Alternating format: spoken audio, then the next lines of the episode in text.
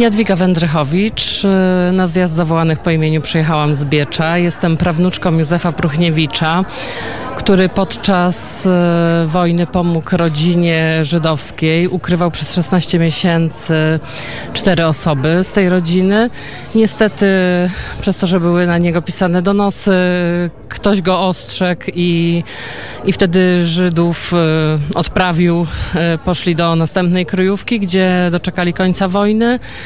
E, było to w listopadzie, niestety donosy były nadal do niego pisane i w marcu 1944 roku przyszli Niemcy, zabrali e, pradziadka z domu, wcześniej jeszcze na oczach e, jego córki dziesięcioletniej i żony pobili go, zabrali go na gestapo do Jasła, skąd nigdy nie powrócił. Jak pamięć po, jak pamięć została przechowywana w, w rodzinie? Przez wiele lat e, tak naprawdę nie było nic mówione na temat e, tego, co się wydarzyło. Na pytania mojej e, i mojego brata była odpowiedź, dlaczego pradziadek nie leży z prababcią na cmentarzu. Była odpowiedź, że został rozstrzelany w czasie wojny i jest pochowany w Warzycach na cmentarzu. I tak naprawdę do roku 95 to były takie jakieś urywki tylko z tej pamięci w 95 roku był taki przełom u nas, ponieważ pod domem pojawił się uratowany Żyd. E, szukał mojej babci, która już niestety nie żyła od kilkunastu lat. O istnieniu drugiej córki, e, która miała w czasie aresztowania 10 lat, w ogóle ten Żyd nie wiedział.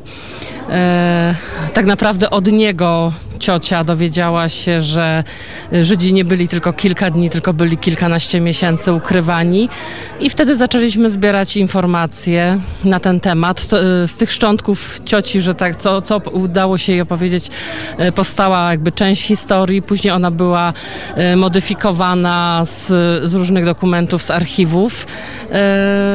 W 2009 roku niestety już po śmierci cioci, ale dla pradziadka dziadka i dla prababci został przyznany medal Sprawiedliwy wśród Narodów Świata, który mieliśmy okazję odbierać w Rzeszowie. E, później pojawił się program Instytutu Zawołani po imieniu i pradziadek, jako osoba, która została rozstrzelana, został upamiętniony, ma swój, swoją tablicę, ma swój obelisk, pod którym, no mówię, raczej już pamięć o nim nie zaginie. Czy w pewnej miejscowości ta pamięć jest e, żywa?